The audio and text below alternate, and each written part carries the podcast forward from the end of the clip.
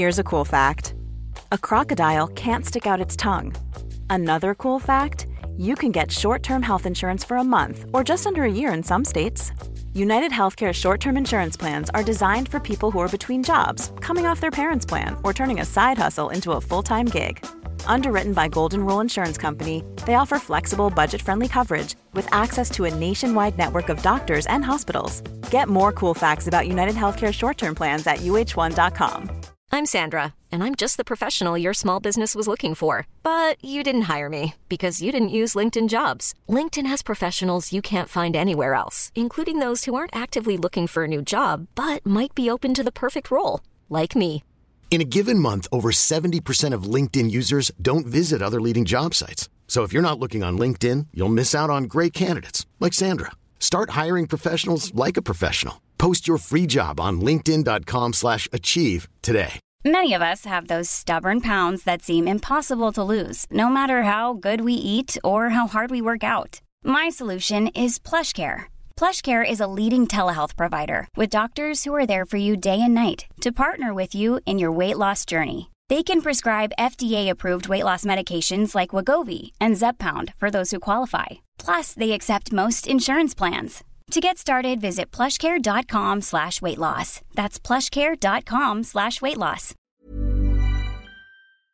Veckans sponsor är Telia. Hos Telia samlar man mobil, bredband, IT-support, mobilväxel, allt som gör företagande enkelt. Och det är just det här att samla allt på ett ställe, att ha någon att vända sig till när det inte fungerar, det är Telia. Ett exempel på vad som inte är Telia, det är ju som när jag lyckas boka förmötet för en poddinspelning med Finansinspektionen till efter själva inspelningstillfället. Eller när jag här, här året var liksom, fick för mig att jag skulle börja springa, så jag är liksom ute och springer taggad, träffar en kompis som säger så du Jan, på måndag ska jag springa ett lopp. Och jag känner så här, ja men det låter inspirerande, så jag käkar pasta, jag byter om, tar mig ner till Malmö stadion för att göra en efteranmälan, står där i kön och sen så när jag liksom anmäler mig så tittar de på mig och säger så här, du Jan, vårhuset är bara till för kvinnor. Och eh, det var, det var typisk en situation som inte är Telia. Oavsett, ett stort tack till Telia som sponsrar, gör Rika Tillsammans möjligt, men framför allt tack till dig som lyssnar, följer och eh, hänger med oss varje vecka. Jag tror inte att de flesta tänker på att i inkomstpensionen så står det inga riktiga pengar på något konto i vårt namn, utan det är en skuld som staten har till oss. Medan premiepension är fonderad, det vill säga att det finns riktiga pengar på ett riktigt konto i ditt och mitt namn. Du lyssnar på Rika Tillsammans-podden som handlar om allt som är roligt med privatekonomi. I den här podden får du varje vecka ta del av konkreta tips, råd, verktyg och inspiration för att ta ditt sparande och din privatekonomi till nästa nivå på ett enkelt sätt. Vi som gör den här podden heter Jan och Caroline Bolmesson. Idag är det dags för avsnitt 155. Mm. Och- Nästan tre år är det väl? Eller Ja. är det tre år som vi har spelat in Ja, snart. Det måste väl bli nästa, nästa Vi har avsnitt i liksom inte ens haft avbrott för jul va? Nej, nej, det har vi inte. Nej, men i, idag, det är lite roligt, för idag ska det handla om premiepension.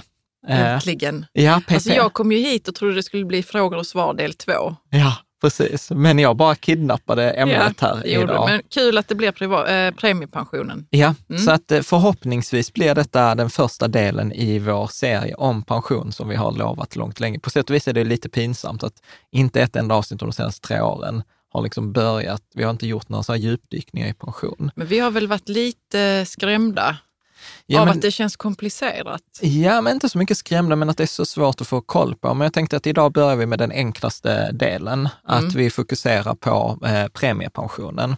För jag tänker den är ganska lite isolerad och jag tänker att vi ska prata om lite så allmän introduktion och ge lite tankespjärn. Jag kommer att ta vissa grejer som jag inte tror att de flesta har tänkt på Ja, när det gäller då. Mm. inkomst och premiepension. Lite så här, what the fuck. Eh, Så var det i alla fall för mig första gången jag, jag Ja. såg det här.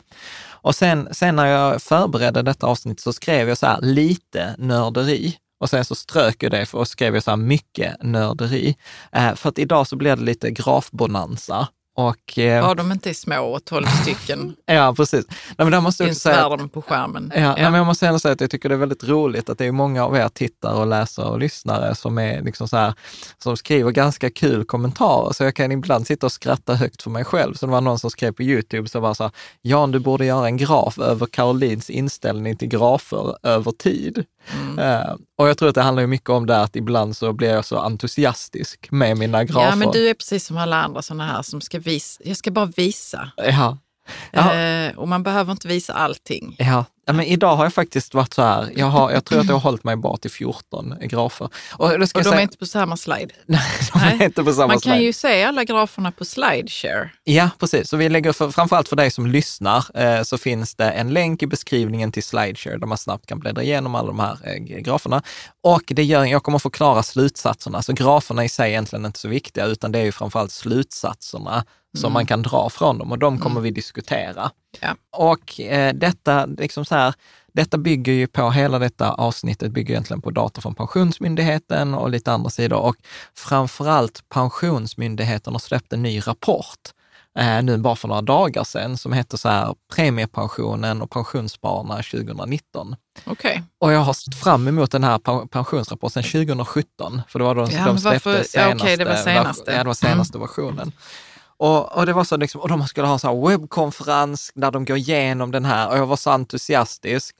Och sen- jag kommer upp till kontoret och hör, hör den här konferensen. Ja, Och vad, vad, vad, var det du tänkte säga? nej men att jag var så entusiastisk och sen var ju ljudet, ja, Ja, ljudet var lite skorrande. Ja, alltså det var ju dagens underdrift. Alltså det var så dåligt, så jag, jag tänkte ju på det så här, alltså det är gud, alltså tänk att jag tycker att detta är så intressant, att jag sitter och lider mig igenom den här... eh, Ja, men var det Pensionsmyndigheten? Ja, det var Jag Pensionsmyndigheten. tänker så här att om man, om man har bra ljud och eh, bild, det Ja. har vi ju lärt oss nu, Ja, då kommer de som har börjat lyssna, de kommer lyssna klart. fortsätta. Man Ja, behöver liksom inte plåga sig tips. igenom.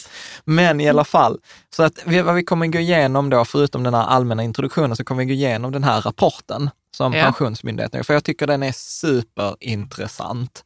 Och eh, eh, jag hör ju hur nördig jag är där, men skitsamma. För att man kan jämföra sig med andra. Eh, det är liksom alltid roligt att se så här, vad har andra i min åldersgrupp, hur mycket PPM-pengar har de, vilken avkastning har de, ligger jag före, ligger jag efter, ligger jag där de alla andra?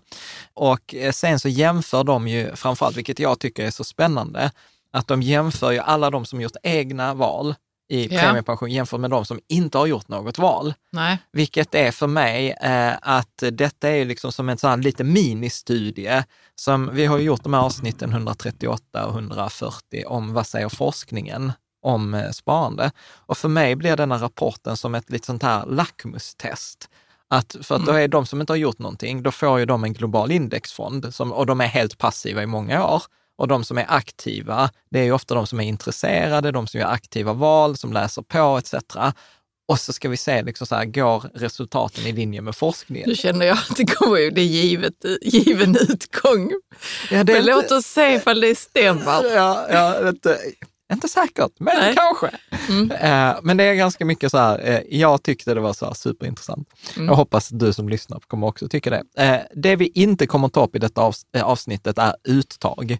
Uttag från pensioner. Eh, för det är egentligen det som jag upplever är så väldigt svårt och vi har börjat prata med en person som har skrivit så här, hur tar man ut en bok som handlar om hur tar man ut sina pengar till pension. Ja, så vi kan återkomma till Så det. jag tänker att vi kommer att ta upp ganska mycket, men vi kommer inte ta upp uttag. eh, Och jag har inte I tittat, detta avsnittet i, detta i alla fall. avsnittet. Nej, Mm. och det, jag har skippat den delen i, i rapporten. Mm.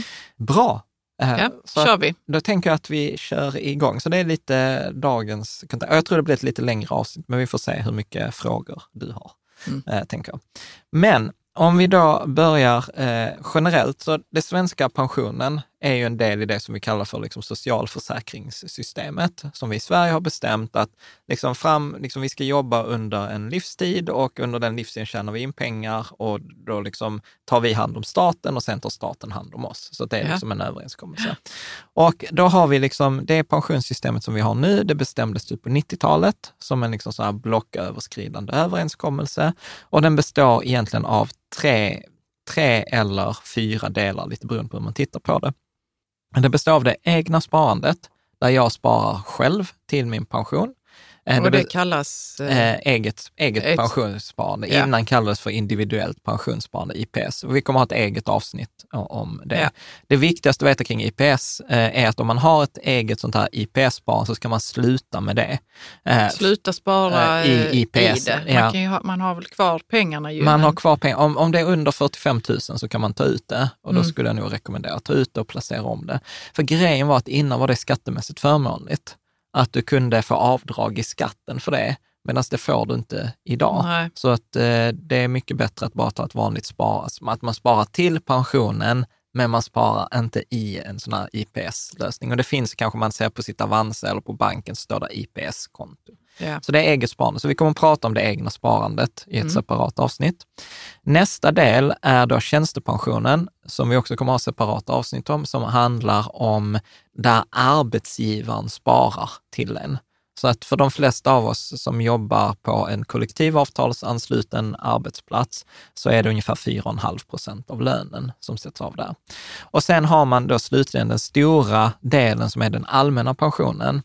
Eh, Och varför jag säger då att man kan tänka på det som tre eller fyra delar, jo för man kan dela upp den allmänna pensionen i två delar då, inkomstpension och premiepension. Ja. Och det är de två grejerna som vi tänker, eh, som jag tänker att vi ska eh, prata om. Men du, får jag bara fråga dig. Ja. Du sa att ens arbete där man jobbar ska ju vara kollektivavtalsanslutet. Ja. Vet du eh, vad det är för branscher som inte brukar vara det? Det Ingen aning, för det är ju Nej. olika arbetsgivare. Det är på arbetsgivarnivå, inte på Ja. branschnivå. Så till exempel, vi är ju inte kollektivavtalsanslutna i vårt Nej. företag, men vi har ändå en tjänstepension. Mm. Så att ska jag sammanfatta liksom pensionen i allmänhet så är det så här att den allmänna pensionen kommer från staten och det är inkomst och premiepension. De är då, då båda är grundade på den inkomsten du har. Och sen finns det lite specialpensioner även inom det allmänna systemet Ja. eh, som är typ så här garantipension om du har haft låga inkomster eller inga inkomster. Där finns tilläggspension, efterlevandepension och sånt. Så att där finns liksom fler delar, men detta är de två stora delarna. Ja, vi, vi blandar inte in de andra än så Nej, länge. Vi nej. tar det när Vi- det, det kommer att vara separat avsnitt, Ja. men bara liksom för att ge den liksom helikopterperspektivet. Mm. Eh, tjänstepension är då alltså den pension jag får från jobbet och den är ofta unik per arbetsgivare och det är ofta en fallgrop för egenföretagare för att man, eller när man jobbar på små företag, för de har ofta inte en tjänstepensionslösning. Nej, man måste att- själv ta hand om sin, den delen av pensionen då. Ja, Och precis. pensionsspara. Ja, Mm. precis. Och sen hade vi det med IPSen. Mm. Och det som är ganska viktigt, tänker jag, att veta kring inkomstpensionen är någonting som liksom jag fattade först för något år sedan. Och det är att inkomstpensionssystemet är ett fördelningssystem. Vad betyder det då? Jo, det betyder att pensionsavgifter som betalas in under året finansierar samma års pensionsutbetalningar. Så att det som vi betalar till inkomstpension på vår lön, alltså 18, eh, 18,5 procent eh, av vår lön sätts av i pension. Vi kommer att prata om belopp och sånt. Sätts av då i, i det här pensionsgrund, eh, pensionsgrundande belopp. Av de 18,5 procenten så går 16 eh, procentenheter eh, till då den allmänna pensionen, inkomstpensionen. Och i den, de pengarna sätts inte in på ett konto med mitt namn, utan de går för att betala min mammas pension Ja. och, och, liksom, eh, och andra som är i pension. Men håller med? man ändå koll på eh, siffrorna Ja. åt dig? Liksom? Ja, så pensionsavgiften bokförs som en pensionsrätt på mitt konto, men utan en fondering. Ja. Och detta är viktigt. Så att in- inkomstpensionen är inte konkreta pengar som står på något konto, utan det är en, alltså så här lite förenklat, det är en skuldsedel från staten eh, då, Till dig. till mig. Mm. Att jag har en rätt att få pension på denna summan Och det ska någon annan jobba ihop till i, dig när du framti- ja, är... i framtiden. Mm. Okej? Japp. Och då, om då till exempel inbetalade avgifter inte räcker till ett enskilt år, så har man även liksom ett buffert liksom i det här systemet. Att man Ja. har en buffertfond. Staten har det. Ja, Mm. och om man har talat om, till exempel, vi brukar alltid prata om Sjunde AP-fonden, Mm. som är då en sån här fond, statlig fond som förvaltar premiepensionspengarna, som vi kommer att prata mycket om i detta avsnittet. Men det finns ju andra, det finns ju då första, andra, tredje, fjärde AP-fonden och de är då de här buffertfonderna Mm. eh, liksom som staten använder. De är liksom fyra självständiga fonder. Sen finns det en sjätte eh, AP-fond också, men det är sån specialfond.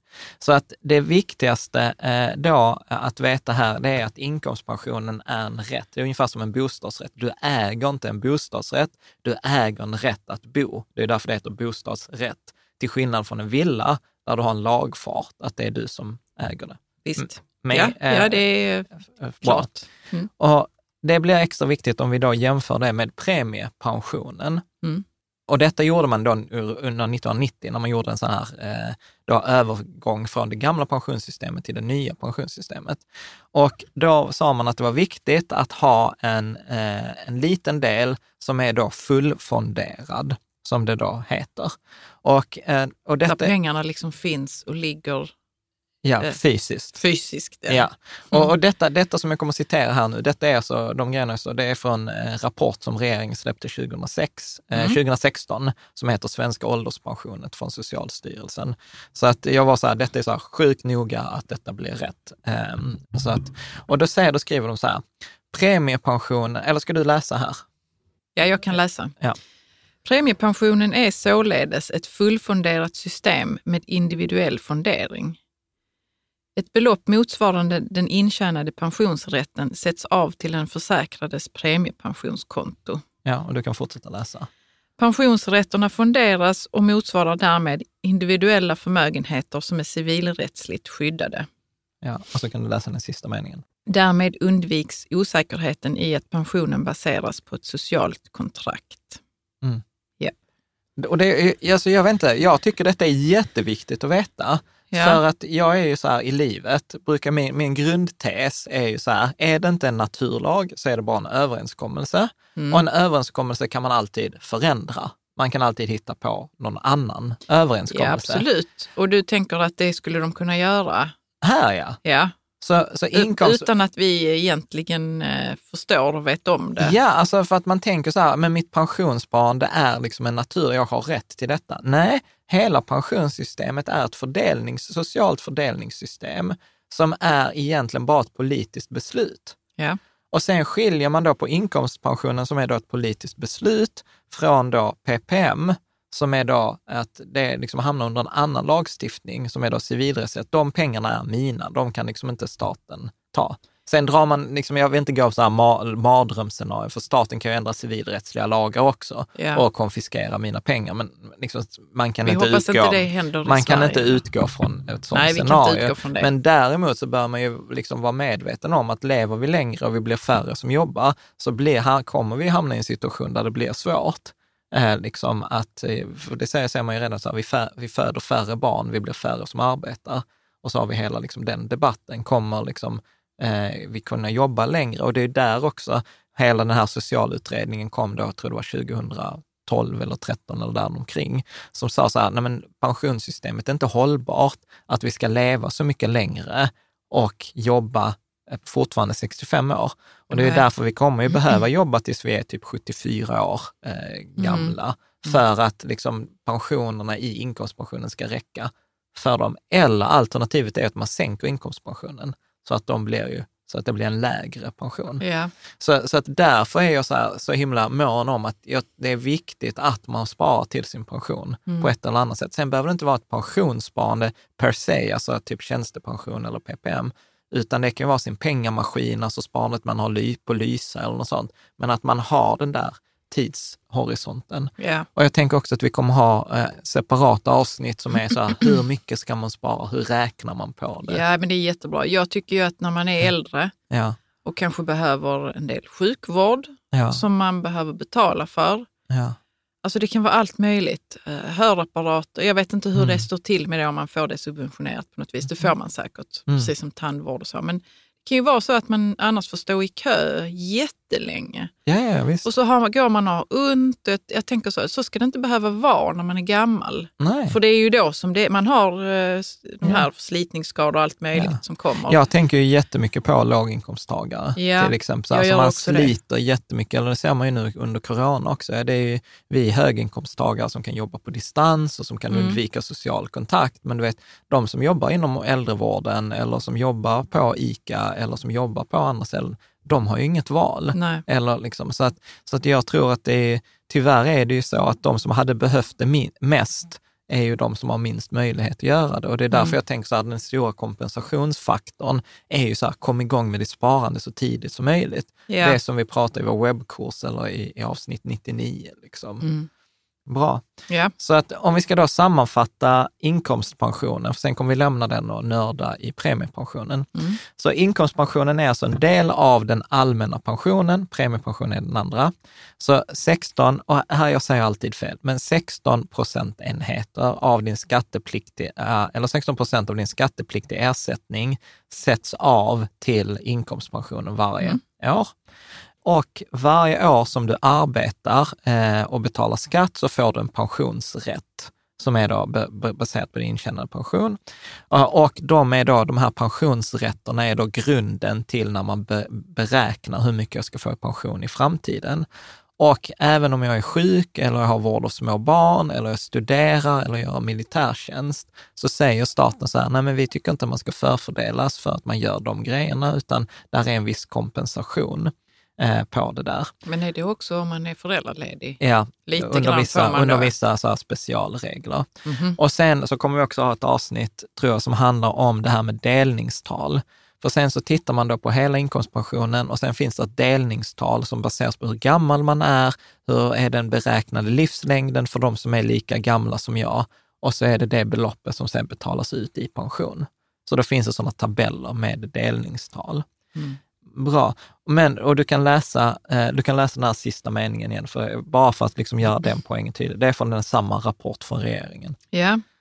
Någon faktisk avsättning eller fondering av pengar sker inte eftersom inkomstpensionen är ett fördelningssystem. Ja. Så det är så här, det lämnar, det det lämnar liksom inte mycket osäkerhet. det gör det inte. eh, i, om det var nu någon som trodde att inkomstpensionspengarna satt på något konto. Det gör de alltså inte, Nej. utan det är en skuld som staten har eh, till, till oss. Mm. Och sammanfattar vi då premiepensionen, så är premiepensionen är då den delen där man själv kan välja eh, fonder. Det är den delen som är då min egen, det är alltså det som som säger, i civilrättslig mening, mina pengar. Det är inte någon skuldsedel, det är pengar som står hos ett fondbolag. Då. Och gör man inget val så får man ju det som enligt oss är det bästa valet, då Sjunde AP-fonden eller AP7 SOFA, som vi kommer att prata mycket om. Och det är värt att komma ihåg att premiepensionen är en väldigt liten del. Alltså det betalas typ sju gånger mer pengar till inkomstpensionen varje år än vad det görs till premiepensionen. Ja. Och det märker man också att jag tror de flesta som har ett orange kuvert ser ju att inkomstpensionen, den skulden som staten har till oss är mycket större än själva premiepensionen. Jag ska Äh. bara säga att de kommer väl inte längre, de där kuverten. den kommer digitalt. Så är det ja. Ja. För jag har ju ändå tittat och tittat i posten Jag sa, nej men de har Så kommit digitalt. är jag. Ja, alltså, nej men de har kommit digitalt. Jag saknar också dem, jag sparade dem. Ja. Till skillnad då från inkomstpensionen, som då är typ samma för alla, alltså samma avkastning för alla, så är ju då förräntningen på premiepension, alltså avkastningen är ju helt och hållet individuell, baserad på de val du har gjort. Ja. Så att samma person, du och jag, kan ha fått samma summa insatt på vår premiepension, men beroende på vilka val du och jag har gjort så kan vi få helt olika summor. Vilket många, till exempel särskilt på vänsterkanten, anser är orättvis och eh, folk på högerkanten politiskt tycker att man borde ha mer av liksom, individuella makt i det här. Men vänta här nu. Det, du menar att om jag har valt lite andra... Dåligt. Ja, Du kan förlora alla dina pengar ja, det i, kan man ju. i, i det premiepension Mm, genom att du placerar dåligt. mm. Eh, eller du har blivit lurad eller liksom, ja, där är ju sådana Det finns, det Såna finns ju sådana exempel. Ja, vi hade ju det här med Falcon Funds och Allra Allra. och alla massa andra sådana här. Nu blev de i och för sig frikända på. De blev det, men det känns, det är en, jag Det associerar på- det ändå till att de har lurat människor. Jag, jag Ja. vet inte om det är rätt eller fel. Ja, jag tänkte säga vi behöver inte hoppa in i Nej, den, vi behöver inte hoppa in i den den, tunnan. da, i den dammen. Eh, liksom. Dammen. Eh, ja, snyggt är det inte i alla fall på grund av att avgifterna är höga. Jag, och vår grundregel är alltid så här, låga avgifter. Och i premiepension, AP7 SOFA har 0,09 procent i avgift, vilket är extremt bra. Det är världsklass på Mm. det där. Eh, Så tricket är ju dock att se att den allmänna pensionen är en kombination av inkomstpension och premiepension. Det tror jag alla är med på. Nästa steg är att då tänka när jag placerar mina, PPM-pengar, att ha dem liksom hänsyn till att det finns ganska mycket lågriskpengar. För inkomstpension är ju låg risk, det är ju en låg avkastning. Men det betyder att om man till exempel tittar på AP7 SOFA som är det som man ska ha, tittar man isolerat på den så har den en riskklass 6. Av Eh, sju. 6 av 7. Mm. Så då kan man tycka så här, shit, det verkar då AP7 aktiefond då, för oss som är under 55, att shit, det är jättehög risk. Ska jag verkligen ha så hög risk i mitt sparande? Och då tänker jag så här, ja, isolerat är det hög risk, men sätter du kombination med eh, då, eh, inkomstpensionen som är låg risk, ja då sänks eh, riskklassen till 3. Ja. Så att det är liksom viktigt. Och vi har faktiskt gjort en, eh, en, en lång intervju med eh, AP7s eh, eh, kapitalförvaltningschef. Så det är, det är faktiskt en ganska kul intervju. Lite nördig, men ganska... ja, men väldigt bra för man får ju in, man får intrycket av att de jobbar så in i, in i Ja. Bonken med våra pengar Ja. för att de ska liksom Och så är det statligt. Så att, växa så bra som möjligt och så riskfritt som möjligt. Måste Ja. jag säga att det var det intrycket också jag ja. fick. Ja, hon pratade diversifiering var nog i varenda mening. Alltså. Man hade ju kunnat säga, det var någon som sa till mig, så här, Jan, man skulle gjort sånt shotspel på det avsnittet. Så varje gång det någon säger diversifiering så måste man skala. Liksom. Eh, ja. Så att eh, det är premiepensionen. Och om man då tittar liksom pension i ett större perspektiv så är liksom den överenskommelsen som vi har gjort, eh, för jag, jag brukar inte tänka på pensionen som en socialförsäkring, att det ingår liksom i det här svenska välfärdssystemet. Mm. Och då säger man så här, att den som arbetar och betalar skatt eh, tjänar in då pensionsrätt till sin ålderspension. Fair. Ingen ålders, eh, inga åldersgränser för pensionsintjänandet. Så betalar man skatt eh, så får man avsättning till sin pension oavsett om du är tre år gammal eller 75 år gammal. Ja. Liksom. Så till exempel vår dotter som betalade skatt ett år, Mm. hon, nej, hon har inte fått det för det var kapitalinkomst. Ja, det var inte arbete. Nej, Nej, vi har nej, inte precis. barnarbete i Sverige. Nej, nej, men precis. Nej, men, eh, samma. vi kommer, vi kommer man till det. betalar skatt på sin... Eh, Om man har, nej, om man har en pensionsgrundande inkomst, så är det. och vi Mm. kommer att prata om pensions, vad är en pensionsgrundande inkomst, för det är Bra. undantag från den, Mm. som jag precis kom på. Då. Eh, dock är det så att en mycket låg årsinkomst ger ingen pensionsrätt och en mycket hög eh, årsinkomst ger inte heller någon pensionsrätt. Så man har liksom strukit liksom de som har lägst lön, vi kommer prata det under, under 20 000, och man har strukit de som har jättehög lön också. Så att de som tjänar jättemycket, ja, då får man liksom ingen pension för den överskjutande summan, utan då går den till staten.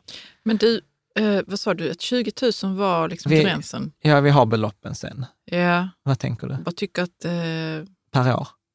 ja, ja, per år. Jag tänkte, ja, för jag tänkte fel. Jag tänkte så 20 000 per månad. Nej, nej, nej, per år. Nej, gud. Alltså Nej. det kan inte räknas som, som eh, låg inkomst. Ja, nej, 20 000 per år. Per ja. år totalt. Absolut. Och, och, och, den andra gränsen tror jag ligger på ungefär 380 000 per år, eller 400 000 per år. Men Mm. vi kommer till gränserna, jag har skrivit Mm. upp dem också.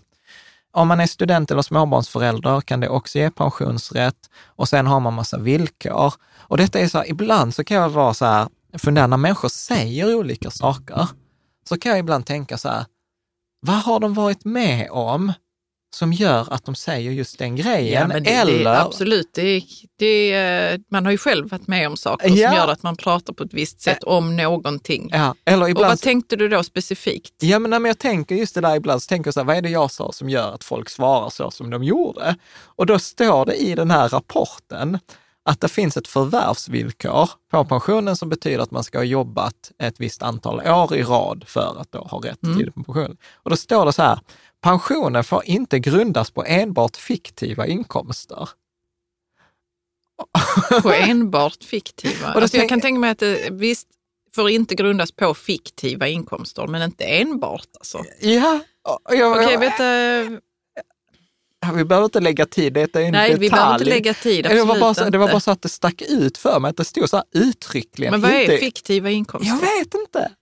Jag Hur vet, är det att man har hittat på inkomster? jag vet inte. Vi behöver Men inte gå in på det. Vi- låt har- oss- låt oss har- undersöka det har i hemlighet. Precis, något har tydligen hänt som gör att de kände sig tvungna att lägga till ett förvärvsvillkor. Det är kanske någon av er läsare eh, eller lyssnare som eh, tittar som vet, som kanske kan liksom enlighten oss, liksom att eh, hjälpa Ja. oss med det där. Mm. Och då pensionsunderlaget beräknas på den här pensionsgrundande inkomsten. Och om vi då tittar på detta, var också så här lite googling, så vad är då den pensionsgrundande inkomsten? Och tittar Mm. vi för då innevarande år, som är då 2020, så innebär det att eh, det är summan då av all lön och skattepliktiga ersätt eh, förmåner och arvoden som man får. Det som inte ingår i den pensionsgrundande inkomsten är då bilersättning, kapitalinkomst, pension, försörjningsstöd och liknande. Så det är i princip lönearbete och förmåner, bilförmån till exempel eh, och sådant, men inte bilersättning. Och sen så finns det då det här taket, att man har ju sagt så här att man tar ju bort de som tjänar mycket pengar och då är avgiftstaket den högsta inkomsten som utgör underlag för den allmänna pensionen under 2020 är då 44 892 kronor i månaden innan skatt. Ja. Så har du en lön, månadslön över 44 892 kronor, så för den överskjutande delen får du ingenting. Så detta brukar ju vara sån här, när man pratar exempel ibland med företagare som har, tjänar bra med pengar, så säger jag så här, ta inte ut under 44 892 kronor, för där maxar du då avsättningen till pensionen. Ja, Ja. precis. Och överskjutande del är det som är över. Ja, och räknar man om detta på 44. årsbasis så är det 538 700 kronor. Mm.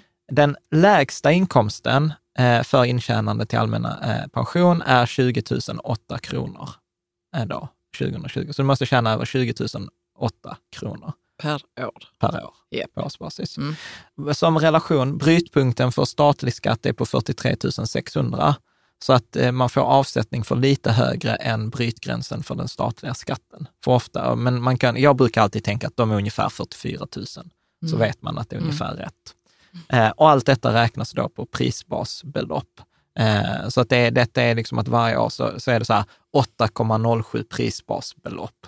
Eh, så att nästa år, ja, då kommer det vara en annan summa baserat på det här prisbasbeloppet. Okej. Men det här med prisbasbelopp, vad är det för något egentligen? Varför har man det? Ah, Är vad- det för jag- att jag- underlätta någon slags administration Ja. eller byråkratisk Nej, men att ofta så eh, har man ju så här, process? liksom? ofta så tror jag att det handlar så här, nu, nu är det så här snillen spekulerar, så jag kan ha fel. Men jag tror så här att mycket i lagstiftningen har man bestämt en viss summa. Problemet är att det är knasigt att sätta en viss summa i lagstiftningen, för då hade man behövt ändra lagstiftning och det ska klubbas i riksdag och sånt varje gång man gör en ändring. Och sen har vi hela den här inflationsgrejen, att pengar minskar i värde, så man behöver höja vissa av de här summorna. Och då tror jag att det där är en sån praktisk grej, att man säger man så här, ja men då är detta åtta prisbasbelopp.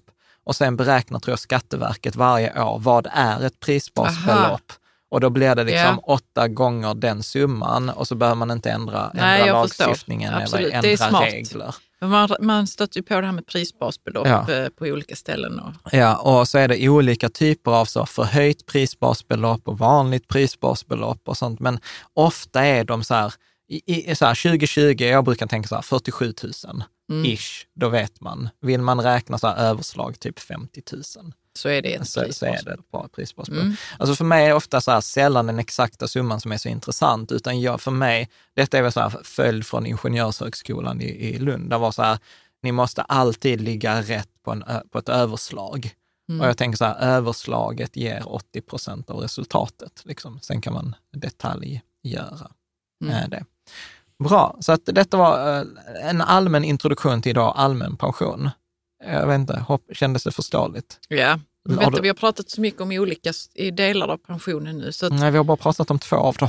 ja, men, Inkomst och jo, men, ja, men vi har premiepension. också nämnt det andra som gör det lite snurrigt i mitt huvud. Men allmän pension Ja, består av inkomstpension och, och premiepension. premiepension. Bra, då Bra. går vi vidare. Ja, 18 procent, 18,5 procent av ens eh, lön går till det och de här 18,5 procent fördelar sig att 2,5 går till eh, premiepensionen och 16 går till inkomstpensionen. Mm. Och inkomstpensionen är skuldsedel från staten till mig, premiepensionen är riktiga pengar på ett riktigt konto och jag kan bestämma själv. Inkomstpensionen kan jag inte bestämma själv Nej. över. Bra summerat. Okej? Yes. Bra. Så nu tänker jag att vi ska nörda lite. Som I den om- här rapporten då. Ja, som om vi inte har gjort det hittills. Men eh, då släppte de nu i maj eh, 2020 en rapport som heter då Pensionsspararna och pensionärerna 2019. Och då är det en uppföljning av hur pensionssystemet, premiepensionssystemet har gått sedan 1995 då det startade. Liksom. Och eh, man skiljer då på egen portfölj, och egen portfölj är de som någon gång har gjort ett eget eh, aktivt val och även om de då sen har valt tillbaka till AP7 Sofa.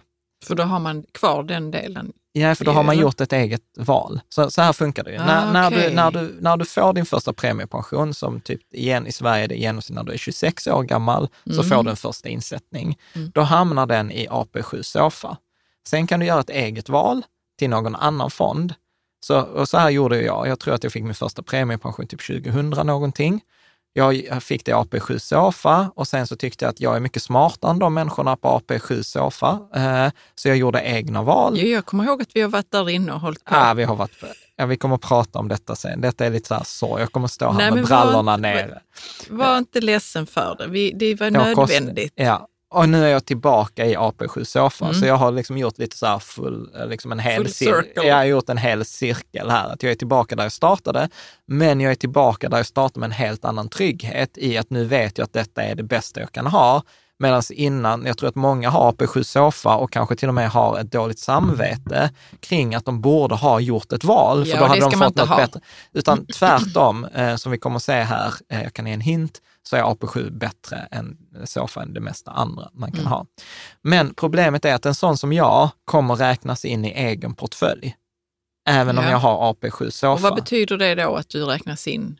I deras grafer. För Ja. alla grafer kommer särskilja folk med egen portfölj och AP7 Sofa. Även om du har gått full circle? Även om jag har gått full circle, precis. Mm. Så det som i de här kommande liksom resonemangen och när jag säger då AP7 Sofa, så kommer det vara så hänvisa till de som aldrig har gjort något val och varit 100% passiva och eh, då alla de som har varit aktiva minst en gång. Ja. Ja, och detta blir ju då intressant kan jag tycka, för att detta blir ju liksom som, nu har jag inte doktorerat som du, men det känns som att de här som aldrig har gjort något val, de är ju typ som en kontrollgrupp.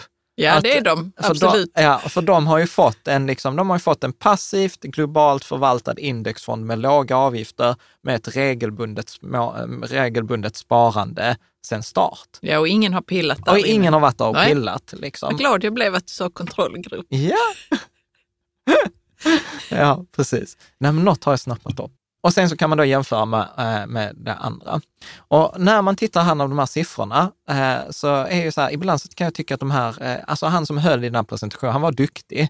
Men ibland så tänker jag så här att ja, de vänder ju inte sig till en vanlig person, utan där var väl säkert några politiker eller någon på någon myndighet. Eh, Eh, där det var Beslutstagare på något vis. Ja, medan Eller här en- tycker jag så här, hela grejen är ju att man vill jämföra med sig själv. Mm. Är- så att här kan jag faktiskt då bara, liksom bara avslöja hur det gått för mig och vad man kan göra själv. Så här kan man faktiskt nästan ta en paus i avsnittet, logga in på Pensionsmyndighetens hemsida och så kan man ta fram hur har det gått för en själv. Och sen tycker jag så här, Pensionsmyndighetens hemsida är jättebra, men den är så himla svårnavigerad. Så jag lägger faktiskt två länkar direkt. Logga in på Pensionsmyndighetens hemsida och sen klickar du på de två länkarna så får du fram exakt de här siffrorna som, som vi Som kommer att är- prata om. Okej, Så som att- man själv har. Ja, så till exempel då per idag, då, vad är det idag, 25, Ja, 26. 26 maj. Maj. Mm. Ja. Så då har jag haft en värdeförändring i år på minus 10,6 procent. Jag Ja. har då AP7 Sofa, så att alla som har AP7 Sofa haft pengar bör ligga på minus 10,6 procent om inte börsen rör sig nu de kommande dagarna. I snitt per år har jag haft 7,2 procent. Plus. Så, ja, Mm. jag vet inte när jag startade, men det är typ 2003 Mm. eller något sånt då jag hade mina första inkomster. Så, och detta är också en av anledningarna varför jag alltid pratar så här, rimlig avkastning över tid i aktier, 7 procent, ligger väldigt nära Ja. 7,2 procent. Totalt värde då för mig som är 39 år gammal, 194 601 kronor. Mm. Det är totala värdet. Men det intressanta är inte bara att titta på det totala värdet, det intressanta är att titta hur mycket har man då fått in? Liksom. Så ja, här kan jag säga, 2001 fick jag min första pensionsrätt faktiskt. Så att då har det på min pension betalats in 110 102 kronor Okej, och resten totalt under de här, eh, Ja. vad blir det, 19 åren då. är... Ja. Och då värdeförändringen är 111 000, så jag har liksom dubblat pengarna eh, under den här tiden. Så, Med räntan, eller? Nej, ja, hur- men precis, Ja, med räntan. Alltså att fonderna har ja ökat i nästan, värde. tj- vad sa du, 19 år ja. Och Ja. då ska det dubblas. Ja, ja, de ska ju dubblas egentligen var tionde år. Men du Ja. kan inte räkna, för de pengarna är ju insatta med typ 6 000 kronor varje år. Ja. Så att man, kan liksom, man måste se detta som en tidsserie. Så Mm. detta är pengar som har satts in och vi kommer prata om hur mycket som sätts in i genomsnitt varje år. Mm. Så du kan inte säga så att den här regeln ska dubblas var tionde år. Nej, nej, det, för det kommer mer pengar. Ja, precis. Men det är intressant. Så här, det är intressant. Jag tycker det är superspännande att veta så här. Vad är värdet idag? Vad har den genomsnittliga avkastningen per år varit? Och sen hur mycket sattes det in? Så att jag kan se. Absolut. Liksom, Det är det- väl det roligaste att se. ja. Så man loggar in på Pensionsmyndighetens hemsida och sen så kan man då klicka då på min översikt och sen klickar man på pensionskonto för att Mm. få fram de här. Och då kan man få fram inkomstpension också, men den är inte lika kul för den kan man inte påverka. Make sense? Ja. Bra, då fortsätter vi. Så om vi tittar då på, förresten, då kan man också säga så här att grattis till alla er som har liksom en högre avkastning och ett högre belopp än den där bloggar. Eh, jäkeln här. Bloggarjäkeln bakom mikrofonen.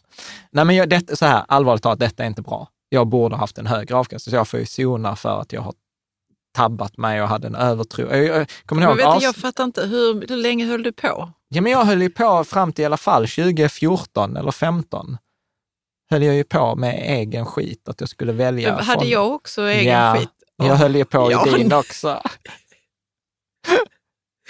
Ja, jag är glad att vi är tillbaka Ja. sen ett, ett fåtal år tillbaka. Ja. Ja, men, Men vad, vad, eh, precis ja, och då kommer vi se hur det skulle kunna ha varit, Ja. menar du, Ja. om en liten stund. ja, kanske. tittar på Jag har- kontrollgruppen. Ja, jag har inte tittat så noga för att det kändes för jobbigt. Ja, men vi gör det. Kan Ja. vi inte göra det? Jo, jo, jo, kanske. Ja. Absolut. Ja, bra, så vi fortsätter då. Mm.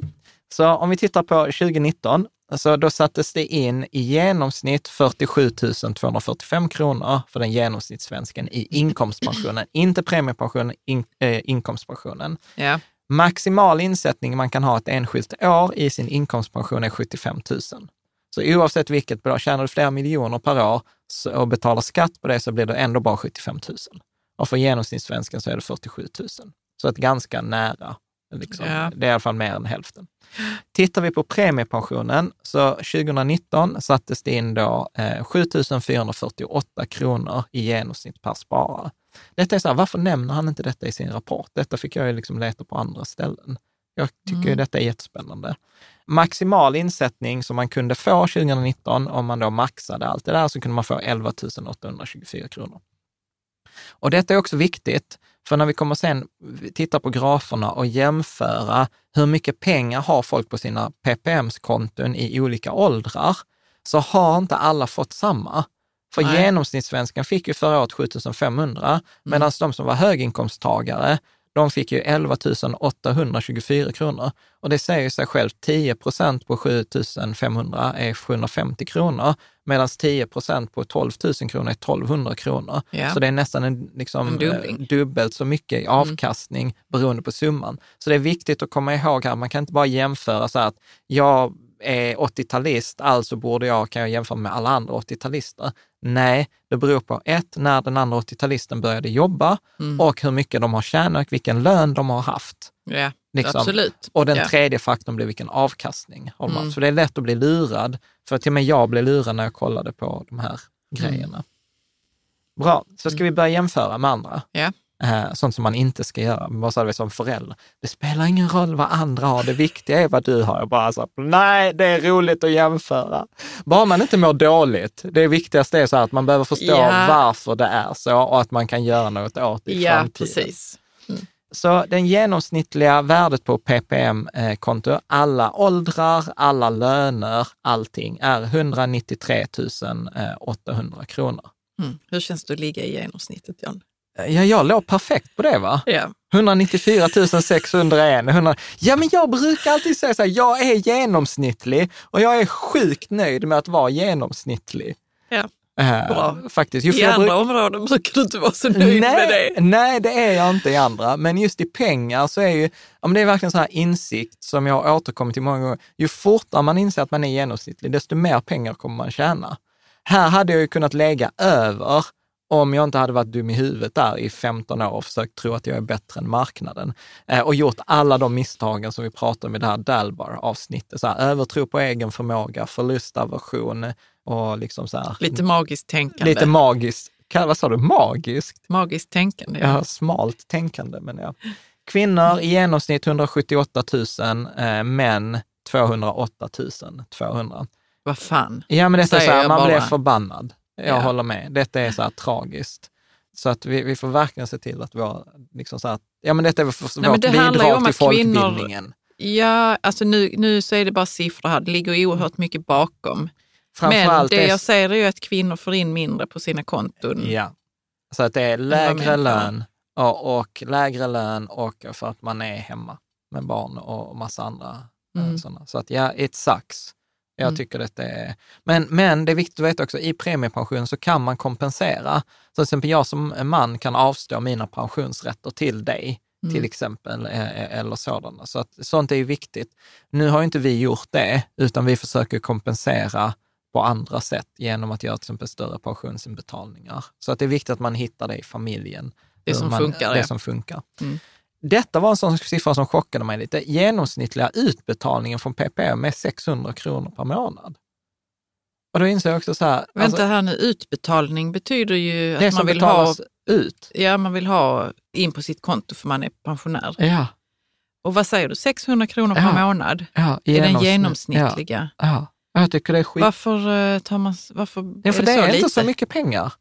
Och de, de Nej, och pengarna den- ska ju de räcka ett livsfar, tag, ja. livsvaret. 20 år eller Ja. 30 år. Mm. Så att det där är lite så här att, eh, alltså hela den här 600 spänn alltså, Ja. herregud, det räcker inte långt. Nej, och hela den här pensionssystemet när jag gjorde om på 90-talet var egentligen att ta ansvaret från staten till oss individer. Mm. Precis så som vi pratade i det här avsnittet om arvsrätt, där man liksom innan hade ganska schysst och generös änkepension och sen bara gjorde man om det till omställningspension och så bara pff, tog man bort det liksom när den kunde vara i flera år, änkepensionen, så var den bara 12 månader. Så det känns också som att detta var en sån här grej, bara haha, nu fick du ta hand om det själv så det blev bara Gör premiepension. det bäst du kan. Det är ju, jag vet inte, är det de blåa som har bestämt Nej, detta? detta är tror jag, så blocköverskridande. Så det är detta blocköverskridande, Ja, okej. för att det, man pratar mycket i de här rapporterna. Det är viktigt att det är ett politiskt förtroende och att alla är med och sånt. Ja, ja. Anledningen till att jag frågade var att det har ju varit mycket så med att den, den individ, individen, Ja, man ska tro på individen ja. ehm, inom vissa partier, vilket jag håller med om, men eh, kanske inte i alla lägen. Nej. Nej, alltså vi kan ju prata om det vid något annat tillfälle, men jag upplever ju så här att man brukar ju säga så här, om man är ung och inte är vänster så har man inget hjärta. Om man inte är höger och gammal så har man ingen hjärna. Eh, och jag, jag upplever så, jag är precis tvärtom. Jag var höger när jag var ung och ju Ja, jag äldre jag känner, blir, jag desto känner mer samma sak, att jag blir mer jag. socialistiskt lagd ju Ja, äldre jag blir. Ja, jag är till och med så här, idag säger jag så här, mm, alla saker borde inte vara privata, utan staten borde sköta vissa grejer, vilket jag typ inte hade sagt när jag var 18. Nej, definitivt inte. Eh, så att, Eller jag kände ju inte dig då, men när, jag, visst, jag kände dig när du var 21 och då Ja. tyckte du det. ja, eh, bra. Mm. Så den nominella kapitalviktade avkastningen sedan då 1995 i ppm är 7,7 procent. Och kapitalviktad avkastning betyder att man tar hänsyn till insättningar och uttag. Man tar inte bara så här, äh, vad var 100 kronor 1995, vad är de nu? Så man har tagit hänsyn till det. Mm. Nominellt, det är ju att utan hänsyn till inflation, Ja. så att det är 7,7 procent, vilket ligger återigen ganska nära det där vi pratar om aktier över tid på 7 procent. Lysas vet jag avkastningsmål är också 7 procent på aktier. Eh, reala avkastningen då med hänsyn tagen till inflation är 6,5 procent. Så det är sådana man kan ha, du vet, när man sen pratar om, eh, till exempel när vi gör simuleringar kring pensionen i framtiden, så kommer det uppstå en fråga, så här, vad kan man göra för antagande? Ja, men låt oss göra ett antagande på 7, 7 procent nominellt. Ja. Det kan man säga. Och i, totalt i PPM så förvaltas det 1500 miljarder kronor, varav 43 procent i den här sjunde AP-fonden, AP7 SOF. Så här, är, är det, förlåt, jag måste bara så checka in. Så Det här, är intressant. det är intressant Ja, det än är så länge, intressant. trots att det är siffror. Ja, Och det är vad- chockande också. jag sa vadå? Nej, men det med 600 kronor. Ja. Bra, så att eh, här kommer då dagens första graf. Och återigen för dig som lyssnar, man kan ta fram slidesen. Eh, på I det- SlideShare. I, i SlideShare. Detta visar ju då avkastningen nominellt i PPM sedan start i förhållande till inkomstpensionen. Och här ser man ju tydligt att PPM är ju mycket aktier, mycket hög risk, det svänger mycket, det var en stor nedgång. Vad är det vi ser här nu? Jag, kan, jag måste, låt mig få titta. Ja, nej, men vi ser en graf som visar då hur utvecklingen gått i PPM-systemet och hur har det gått i inkomstpensionen. Och då kan man ju säga att inkomstpensionen har ju väldigt låg risk, att det är en ganska stabil avkastning, det är ungefär Mm. samma avkastning på ungefär 2 procent. Det är den röda linjen och sen har vi Ja. den orange. Som är premiepension, som är väldigt svängig, som är typ mer eller mindre som en börsgraf. Det föll jättemycket 2001, 2002 under IT-bubblan, föll 2008 under Mm. IT-bubblan och sen har vi en stor stigning fram till liksom 2019. Ja. Så att man kan säga så här, PPM är som en stor aktiefond och inkomstpensionen är som en räntefond. Ja, Så kan man säga. perfekt. Då förstår jag. Så det är inte så mycket mer att säga kring det. Sen om man tittar då på andelen pensionssparare med egen portfölj och deras andel av kapitalet, så kan man se att antalet sparare i PPM som väljer, alltså som gör egna val, blir mindre och mindre. Och detta Det är, var så, det blev färre och färre. de blir färre och färre, förlåt. Eh, De blir färre och färre. Och detta är ganska intressant, för många säger ju så här, eh, ja men det är ju dåligt att folk väljer, eh, gör mindre val och sånt. Och jag är så här, det är ju skitbra, för det betyder ju att de tjänar mer pengar. Ja, absolut. Eh, Så nu drog jag en Men varför förhastad tror, du, slutsats. varför tror du att det är så att man gör färre val? Ja, för man är ointresserad. Eh, tror jag att man inte, det är långt ifrån. Jo, jo, men har folk varit mer intresserade Ja, förr, tror du? Ja, och alltså, nu har jag inte tagit med den grafen, så jag valde bort en graf. Ja, ja, men det fanns en graf över fondbyten och de var ju så här jättehöga. Förr fanns, jag vet inte om du kommer ihåg, men typ, typ 2010 så fanns det ju sådana fondbytes, eh, typ PPM-doktorn eller sånt. Och så bytte ju de fonder åt en. Och det var så här massivt med byten i PPM. Så sen förbjöd Pensionsmyndigheten det och så bara, pff, bara droppade det. Jaha, för Ja. så när man inte kan göra det själv så lätt, Ja, då gör man inte det. nej, nej, nej, nej. precis. Mm. Alltså jag tror det är lite som arvsrätts eller så här äktenskapsförord. Det är liksom, man går inte dit och, tittar. Men i detta fallet, att inte gå in på Pensionsmyndighetens hemsida och byta fonder är en bra grej. Mm. Liksom. Eh, bra, som andel av kapital är det inte lika mycket eh, och det ser ut som att de som inte har gjort val, eller de som gör val har mer pengar, är mer lyckosamma. Men så är det inte, utan det är bara för att de ofta var med från början. Och när man då började med PPM-systemet, då började typ 80 procent av alla med ett eget val. Så 1995 när man började, så alla som var födda, liksom då jobbade, fick ju börja med ett eget val. Mm. Så att eh, det beror ju på att eh, liksom inflöde, de som är passiva idag gör ju sällan ett val och därför blir det lite pengar. Men det är minskande, vilket jag tycker är ett gott tecken. Mm. Bra. Om vi tittar då på genomsnittligt kontovärde per ålder per kön, så är detta en så här typisk graf. Här kan man gå in och titta, så här, hur gammal är jag, hur ligger då genomsnittet? Och, det, och vad ser vi här nu då? Nej, men vi ser ju att när man är ung så har man typ noll. 18-åringar har typ noll i premiepensionen eh, och typ 80-åringar har typ också noll. Och sen har du en, liksom en stor puckel liksom var, var är den egentligen här? Den Vadå? är vi... Nej, men, 66 ja, men som typ? mest, ja, men som mest pengar har man ju väl när man är 64-65, precis Mm. innan man går i pension. Och sen för då, man- har börjar du, man för då ut, behöver ja. man ju ta ut den. Mm. Så att samma sak här, återigen när man tittar på de här graferna så kan man inte bara liksom dra, dra slutsats kring avkastning.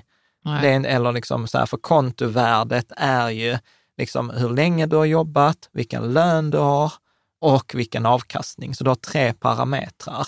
Det är Mm. inte bara att alla började med 100 kronor och sen var de som är 50-talister var mycket bättre på avkastningen Nej. än, än 80-talister. Nej, men vi har några streckade linjer här också. Vad är det för något? Eh, ja, men det är där man har brutit upp det baserat på eh, då AP7 Sofa eller egen portfölj. Mhm. Vad tänker du? Nej, jag måste bara säga här. Egen portfölj ser ju bättre ut då ju, eller? Ja, precis, men nu faller du i den där fällan. Ja, Igen. vilken fälla var det nu? att, det ska, att det ser bättre ut än vad det är. Ja, vi, vi, vi, vi ska gå igenom det. Men, Men, det är dåligt när man faller i fällor när man ska se grafer, tycker jag. ja, men jag håller Jag har med. mycket åsikt om grafer och det är så här att det ska underlätta för en Ja, när man ska dra sina slutsatser. Man ska inte falla i någon fälla, nej.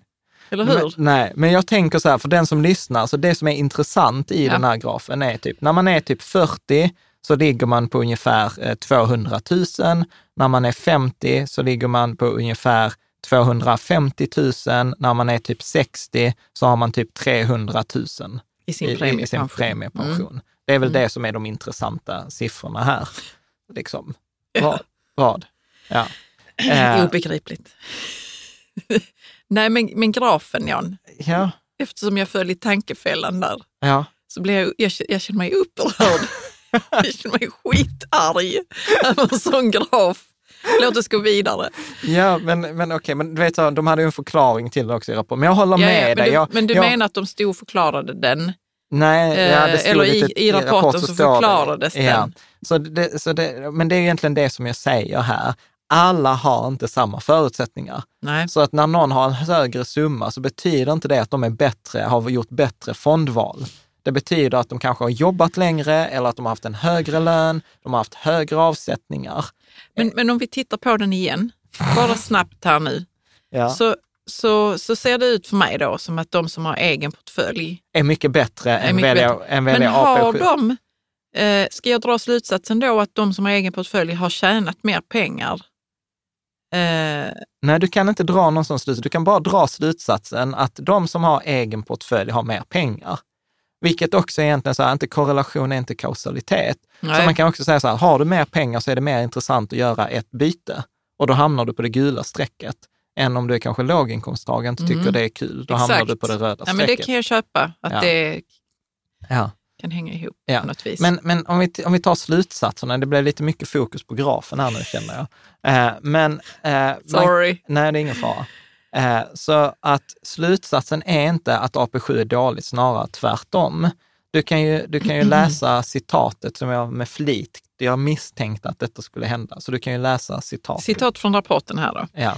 Den stora skillnaden i behållning förklaras i huvudsak av olikheter i ålders, åldersstruktur och därmed sparandetid. Sparare i AP7 Sofa har en betydligt större tyngdvikt på unga personer och en stor del av kapitalinflödet till AP7 Sofa kommer från nya sparare. Unga har vanligen lägre inkomster än äldre och därmed lägre pensionsavsättningar, vilket ger en lägre genomsnittlig kontobehållning. De flesta som väljer en egen portfölj gör det senare i livet och har då dels högre inkomster och därmed större pensionsavsättningar, dels flera års ackumulerat pensionssparande med sig. Mm. Och dessutom varit i AP7 Sofa i många år innan dess. Okej. Ja. Men jag fattar, detta är så här, denna, jag har sett denna grafen missbrukas. Jag Ja, sa, det är klart att det, den att, det, görs. att det är mycket bättre att ha eget sparande Ah. i PPM. V- var såg du det? Nej, vi behöver Nej, inte, vi gå, in, inte gå gå in på det. Ja. Mm. Så, så att eh, vi går till nästa graf. Eh, och nästa graf handlar då antal sparare versus kontovärde. Mm. Alltså hur, mycket, liksom på, hur många sparare har vissa summor. Och då kan man säga så här att det finns 2,6 miljoner sparare i PPM då som eh, har eget, eh, egen portfölj, det vill säga att de har gjort minst ett val. Eh, resten då, 57 procent, ligger i AP7 Sova. Och då finns det totalt, detta tyckte jag var jättekul, 1300 sparare med värde över en miljon. Ja. Eh, eh, fem sparare som har över två miljoner. Så är du en av dem som har över två miljoner och lyssnar på detta, då är det alltså fy, bara fyra andra personer i Sverige som har samma summa som du. Och där är en person som har ett belopp på 3,6 miljoner. Och det är sjukt bra jobbat. Eh, liksom. Men eh, i sin premiepension. Ja. Och då har man utöver det också pengar då på andra Ja, ja, ja. ställen i Ja. pensionen. Precis. Och Eh, då har man själv satt, nej vänta jag måste tänka här nu. Ja. Men hur kan man lyckas med det? Ja, men man har haft högriskgrejer. Det är ju så, man har ju tagit en extrem risk. Med sina pengar? Ja. För att eh, man kan inte sätta av mer än man kan sätta av. Nej, eller hur? det är totalt. en viss summa, man kan Ja, det- inte vi har, själv vi har hålla en, på. Nej, precis. Vi har en graf Nej. på det också. Maximala insättningen du kan ha i din PPM, så jag, kommer ihåg, jag hade ju 110 000. Ja. Maximal, om du var med från 1995, har haft max lön, max avsättning i alla år sedan 1995, så är det typ 211 000. Så det är någon som har gått från 211 000 till 3,6 miljoner. Det är bra jobbat. Det. Ja, jag, jag, you can't wrap my head around it. Ja, men det är så här. Det är så, Vad fan har man gjort? ja, jag tänker så här, om, det, om du eh, har mer än, eh, vad, vad ska vi säga, en miljon kanske ja, på, på PPM. ja, det blir ju Kan du spännande. inte höra av dig Ja. berätta vad du har gjort? Ja. Sen är jag så här, det ska man ju dock inte replikera, en sån strategi. Nej, det för kan att, vara mycket vi, tur inblandat. För att, men, eh, för att vi kommer att se här också att spridningen är ju jättestor på de eh, som har gjort e- eget, eget eh, val. hur det har gått för deras pengar. Ja. det. Så här ser man också tydligt den här att eh, de som har AP7 Sofa, det är de som har minst pengar och de är min, liksom minst antal sparare. Och sen ju mer pengar du har, desto större är sannolikheten för att du har en egen portfölj. Det är det man ser här, att Mm. den ena kurvan är sån här eh, liksom, eh, utskjuten liksom över tid, över beloppen, medan de som har väldigt li- lite pengar ligger ofta i AP7 Sofa. Alltså, jag, kan vi bara återvända till de här 3,6 miljonerna? Ja, Det, eh, för jag tycker det låter jätteskumt, Jan. alltså. Nej, men det är Hur bara... man har kunnat ha tagit då, vad sa du, 200 000 Ja, fast ska- ungefär, Ja. till att bli 3,6 miljoner. Det känns som att det ändå måste in pengar, liksom, mer än vad man, kan sätta, vad, vad man egentligen kan sätta Nej, in. men Nej. så här, tänk både på det på som statistisk anomali, alltså som en outlier. Ja, men det, Ja, absolut, om det är du- en du- outlier, men ja, om ändå, du har- hur har det kunnat gå till? Ja, men det är så här, det är precis på samma sätt som om du har du liksom här, det är 7,8 miljoner människor Mm. i, i, i PPM-systemet. Om du låter 7,8 miljoner människor singla slant, du vet, då är det någon som kommer singla slant, ja nu kan jag, har inte gjort en beräkning, men som kommer kanske ha tusen singlingar i rad, liksom, på, på ett sätt. Förstår du? Jag tycker inte att det håller riktigt. Ja, men det handlar om tur. Ja, absolut, det handlar om tur, men det måste ju vara någon som har varit superaktiv och haft jättemycket tur. Ja. Ja, det är därför det inte är en strategi. Det är därför jag säger att det är inte, egentligen inte så intressant att ta in en sån person och höra så här, hur, hade, hur gjorde du? Nej, det är, nej det, är, Liksom. det, men det är bara att man blir helt eh, ja, men detta är, förbluffad. och jag tyck, Samtidigt som man ska inte, man, vi ska egentligen inte fokusera på den här. nej, men jag fattar, men detta, anomalin, nej, men liksom. detta är ju så här sensation. Detta är ju Ja, som det är typ Aftonblad, ja. Aftonbladet. Mm. Detta är en sån typisk Aftonbladet. Så, bara, och du vet, så kan man förfasas lite och bli bara... Förfasad och chockad Ja. och sen tro att det, här, men det är möjligt. Ja, precis. Men nej, Okej. det, nej, det är inte... Vi går vidare då. Ja. Mm. Så ska vi ta nästa graf. Detta var den grafen som bara liksom fick mig och bara så bara, "Åh, detta var grafen jag ville se. Eh, Okej, jag får eh, säga vad detta är för någonting. Denna visar då, eh, den är egentligen mycket mer intressant än din 3,6 miljoners person. Mm. Eh, denna visar kontovärdet versus pensionsrätten. Pensionsrätten är pengarna du har fått inbetalt. Mm. Och denna visar ju det att vad är liksom den maximala pensionsrätten du har kunnat få in är 200 000. Är med? Och sen så visar denna då spridningen. Hur har, vilken avkastning har människor fått på sin pensionsrätt oavsett hur stor den pensionsrätten har varit? Så denna svarar ju på frågan så här, vem har varit bäst investerare? Förstår jag, vad är spridningen då bland investerarna? Okej? Mm. Och denna tycker jag är superintressant för att den visar, den visar inte alla PPM-sparare, utan det är ett urval på 100 000. Och på den röda, de röda punkterna är då AP7 Sofa och de eh, gula är de eget val. Och det man ser väldigt tydligt är att spridningen är ju väldigt stor för de som gjort eget val. Det vill säga att de som gjort eget val kan vara några som har en fantastisk avkastning och det är ganska många som har en ganska dålig avkastning, medan de som har valt AP7 Sofa har en ganska jämn avkastning. Den är inte det- lika, lika spridd. Det är ändå så att, man, att de tar, har bara tagit med dem över ett visst, eh, över det här strecket som då är... Ja, men över strecket betyder, om man ligger över strecket så betyder det att man har ett högre värde på sin pension, alltså på PPM, än pensionsrätten. Det vill säga, jag Mm. har 110 000. Om jag har ett belopp över 110 000, då ligger jag över det svarta strecket. Om jag har ett belopp under 110 000, det vill säga att jag har, jag har mindre pengar än vad som har satts in på mitt premiepension, då är jag under det svarta Men där är strecket. inte så mycket under. Nej, för de flesta har ju gått plus. Och varför har de flesta gått plus? För att det är lång sikt och investerar du då i aktier över lång sikt så kommer du gå plus. Mm. Är du med? Så att det är det som liksom gäller.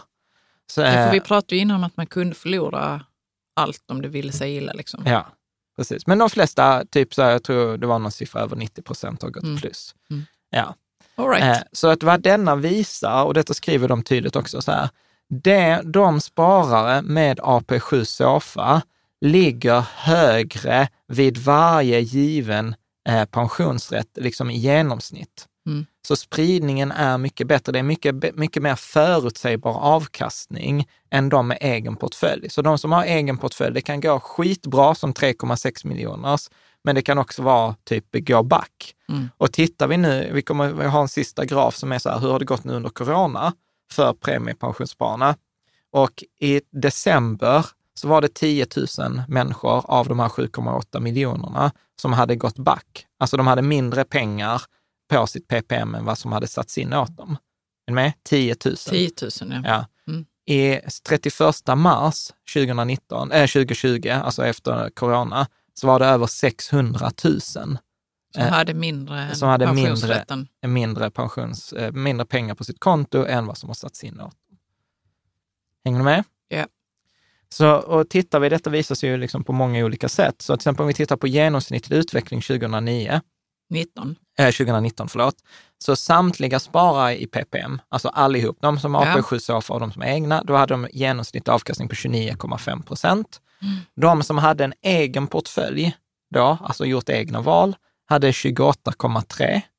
Så de hade lägre än den genomsnittliga spararen i PPM och de hade lägre än AP7 SOFA som hade 30,7. Och så kan man sätta det i relation till globala börsen som gjorde 34,2 eller Stockholmsbörsen på 35. Ja. Eh, och det handlar ju om att AP7 SOFA är diversifierad. Ja. Så att den går liksom sämre i goda tider men bättre i dåliga tider. Mm. Mm. Okej, går det att hänga med på? Ja. Bra. Och sen så kommer här där man kan titta på fördelningen av värdeutvecklingen. Det vill säga att här börjar vi jämföra det här. Okej, så hur duktiga är människor på avkastning i förhållande om man har en egen portfölj eller om man har AP7 SOFA?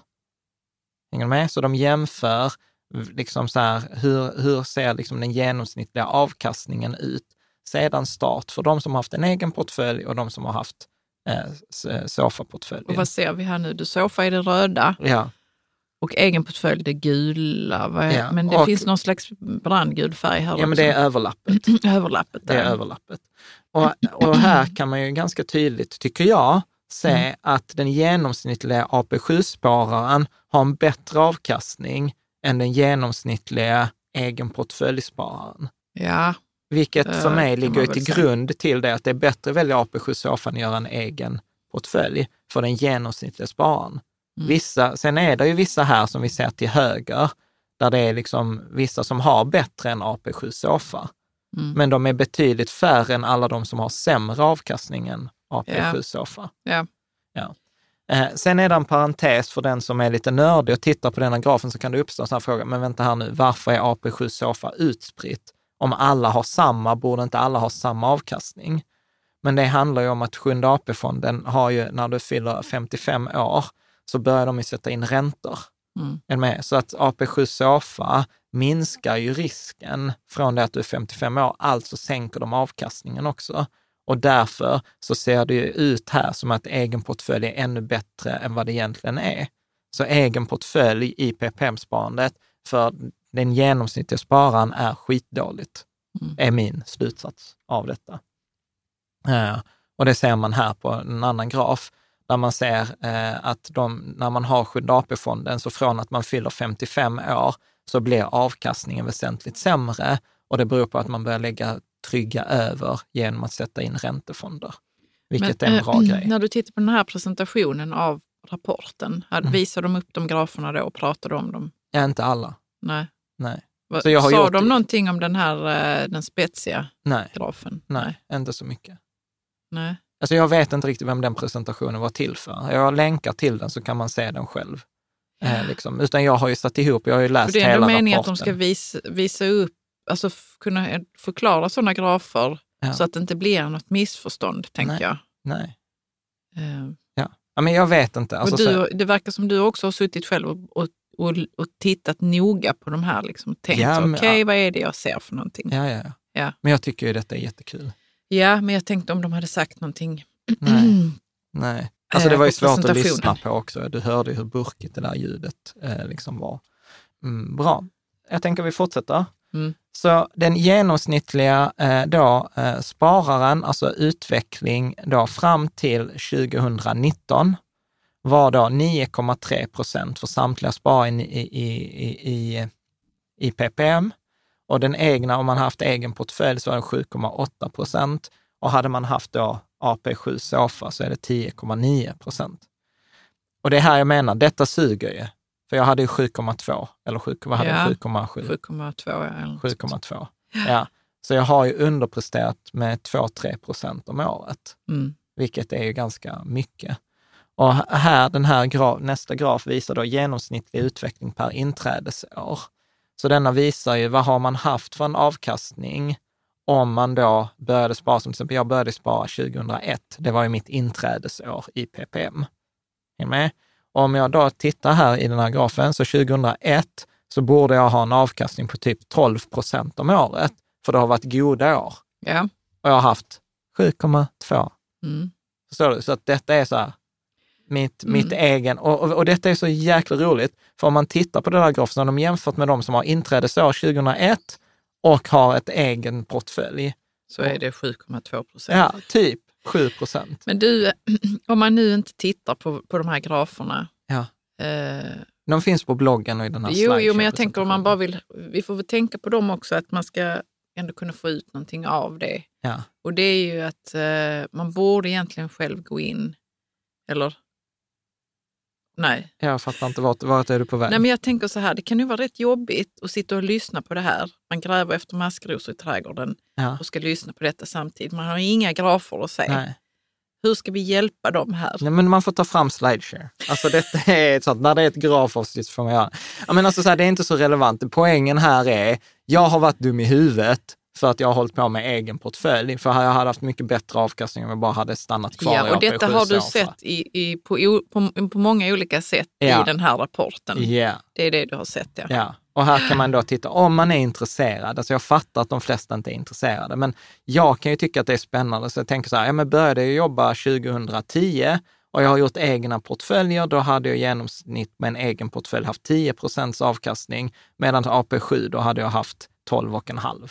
Mm. Och sen kan man ju då, i, i nästa steg om man är riktigt ambitiös, då kan man ju tänka så här, okej, så vad blir skillnaden på 25 år om jag har 8 procents avkastning eller 10 procents avkastning? Och då får man ju använda så här ränta på ränta-räknare som vi har på bloggen till exempel. Och Ja. då märker man att det är så sjukt mycket pengar. Mm. Så att det är ju det som grämer mig i, i det här. Liksom. Men jag har fått betala för Men mina misstag. Kommer vi gå in på hur, om man kan rädda det på något vis? Det kan man. Nej, kan men jag inte rädda det, det. jo, man kan rädda så här, byt till AP7 Sofa nu.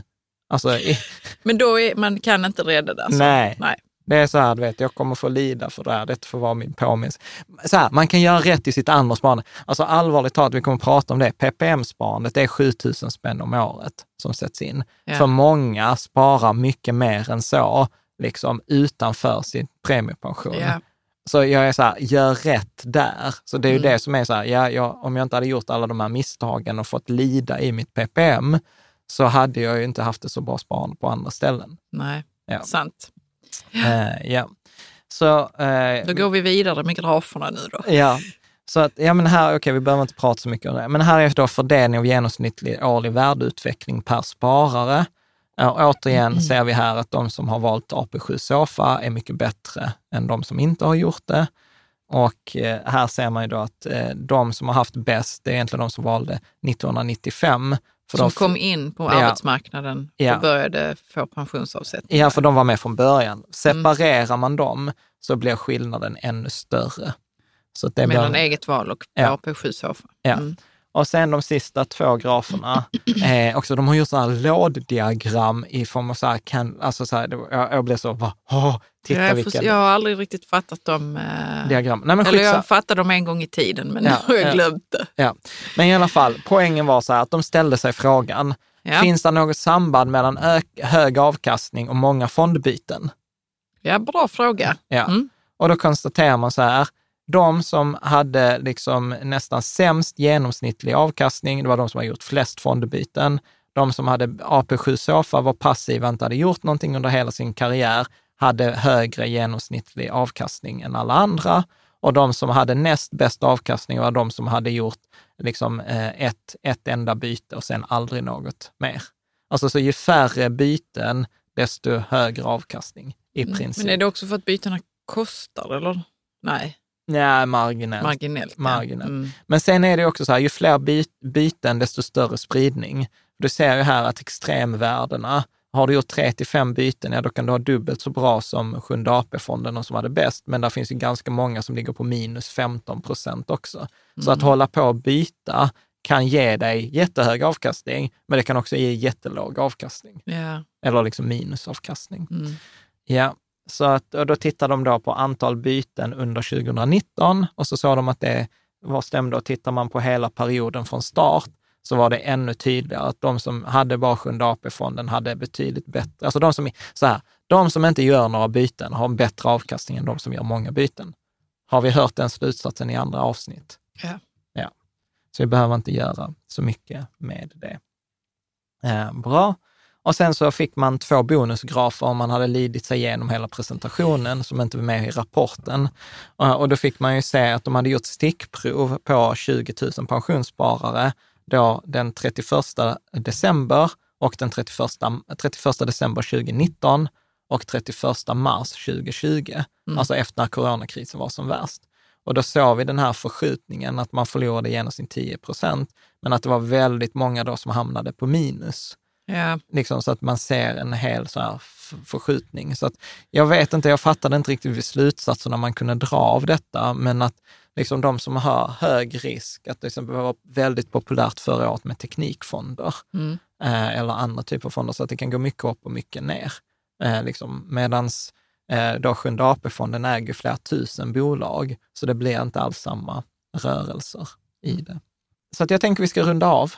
Eh, Så slutsatsen är att jag skulle säga så här, i princip alla slutsatser var förväntade här och faktiskt i linje med forskningen, vilket jag tycker är så här, gud vad skönt. Samtidigt som det känns ganska skönt att det inte var så, hade de visat något annat så hade ju det varit spännande. Då Det hade för- varit spännande också, ja, men Ja.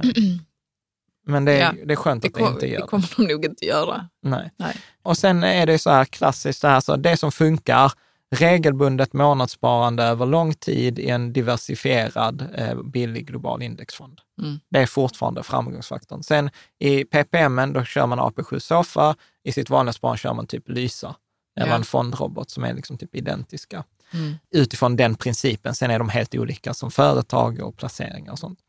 Och för de flesta så är det absolut bästa valet man kan göra den här sjunde eh, AP-fonden, tänker jag. Bra. Vad tar du med dig från den här en timme, kvarten tillsammans? Jag tar, jag tar faktiskt med mig den diskussionen vi hade om att du hade 194 000 eller vad det var. Ja, Ehm, och att det kunde varit mycket bättre. Jag minns att vi har hållit på och, och bytt mm. eh, de här fonderna. Mm. Men jag, jag minns också att du kom en dag och sa att vi inte skulle göra det mer. Mm. Men det var flera år sedan. Mm. Vad tar du med dig? Eh, nej, men jag tar med mig det här, inkomstpensionen inte är en, eh, det är inte pengar på kontot. Mm. Att det är liksom en överenskommelse och att man är ganska tydlig med det, men jag upplever aldrig att det är så man pratar Nej, om det om, om det där. Utan samtalet är oftast i att det är för lite pengar som sätts av eller att det är för lite i inkomstpensionen, men vi pratar aldrig liksom om ja, men delen. diskussionen blir ju också så ful att det är någons fel. Liksom. Ja. Ja. Att jag kommer inte få pension och det är någons fel. Precis. Och det är ju, man får ju, det är aldrig någons fel så, Nej, per se. Liksom. precis. Mm. Eh, nej, sen tycker jag alltid det är kul att jämföra sig och sen tycker jag framförallt att det är ganska kul för att en av få rekommendationer vi alltid ger det är den här välja sjunde AP-fonden. Så för det, detta känns ju som ett himla solitt case Mm. för, eh, för det där. Mm. Liksom. Och att, eh, nej, men att de har varit himla duktiga. Det, det, jag tyckte det var en superintressant rapport. Bra. Eh, jag tänker så här, vi kommer göra fler avsnitt eh, på det här temat Pensionen. på pensionen. Mm. Så att om du inte prenumererar på vårt nyhetsbrev, gör gärna det. Då kan du gå in på rikatillsammans.se och så är det typ nyhetsbrev med det överst. Man bara fyller i sitt namn eh, och e-postadress. Och det är självklart kostnadsfritt och vi mejlar typ en gång i månaden. Ibland mejlar vi inte ens en gång i månaden utan varannan månad. Så att det är när vi har något relevant att, att säga. Och självklart är det kostnadsfritt.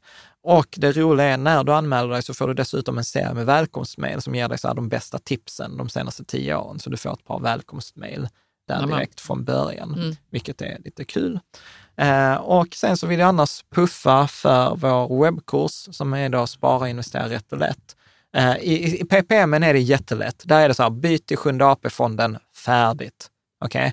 Men man kan göra det i sitt vanliga sparande också, liksom de här principerna där vi går igenom, så hur gör man och varför, varför funkar detta? Det har vi egentligen inte pratat om så mycket idag. Varför är det så att Sjunde AP-fonden är så himla bra? Det går vi mycket igenom i den här webbkursen. Vi går igenom ränta på ränta. Vi går inte igenom Sjunde AP-fonden i kursen, men, Nej, nej, men själva principen, för Principerna, varför det... vi går igenom det här med regelbundet. Varför är det viktigt med regelbundet sparande? Mm. Varför är det viktigt med globalt sparande i hela världen? Varför är det viktigt med låga avgifter? Och alla de bitarna. Eh, Ja, men det är en rätt så lätt, eh, lättsmält kurs skulle jag säga, Absolut. som ändå gör att man hamnar på rätt köl med Ja. sitt sparande på en Och vet du gång. vad det roliga är? Hela kursen är kortare än det här avsnittet. liksom, Ja. För det är så kärnfullt. Ja, men vi vill också att vem som helst ska kunna ta till sig det. Ja. Liksom. Ja, Mm. precis. Så att där finns länk i beskrivningen. Mm. Och eh, med det så återstår egentligen bara att säga ett stort tack eh, Ja. för idag. Och jag hoppas att du har haft kul och att du har gått och lyssnat på även trots att det har varit en grafbonanza eh, idag. Så att eh, tack så hemskt mycket och så ses vi nästa söndag.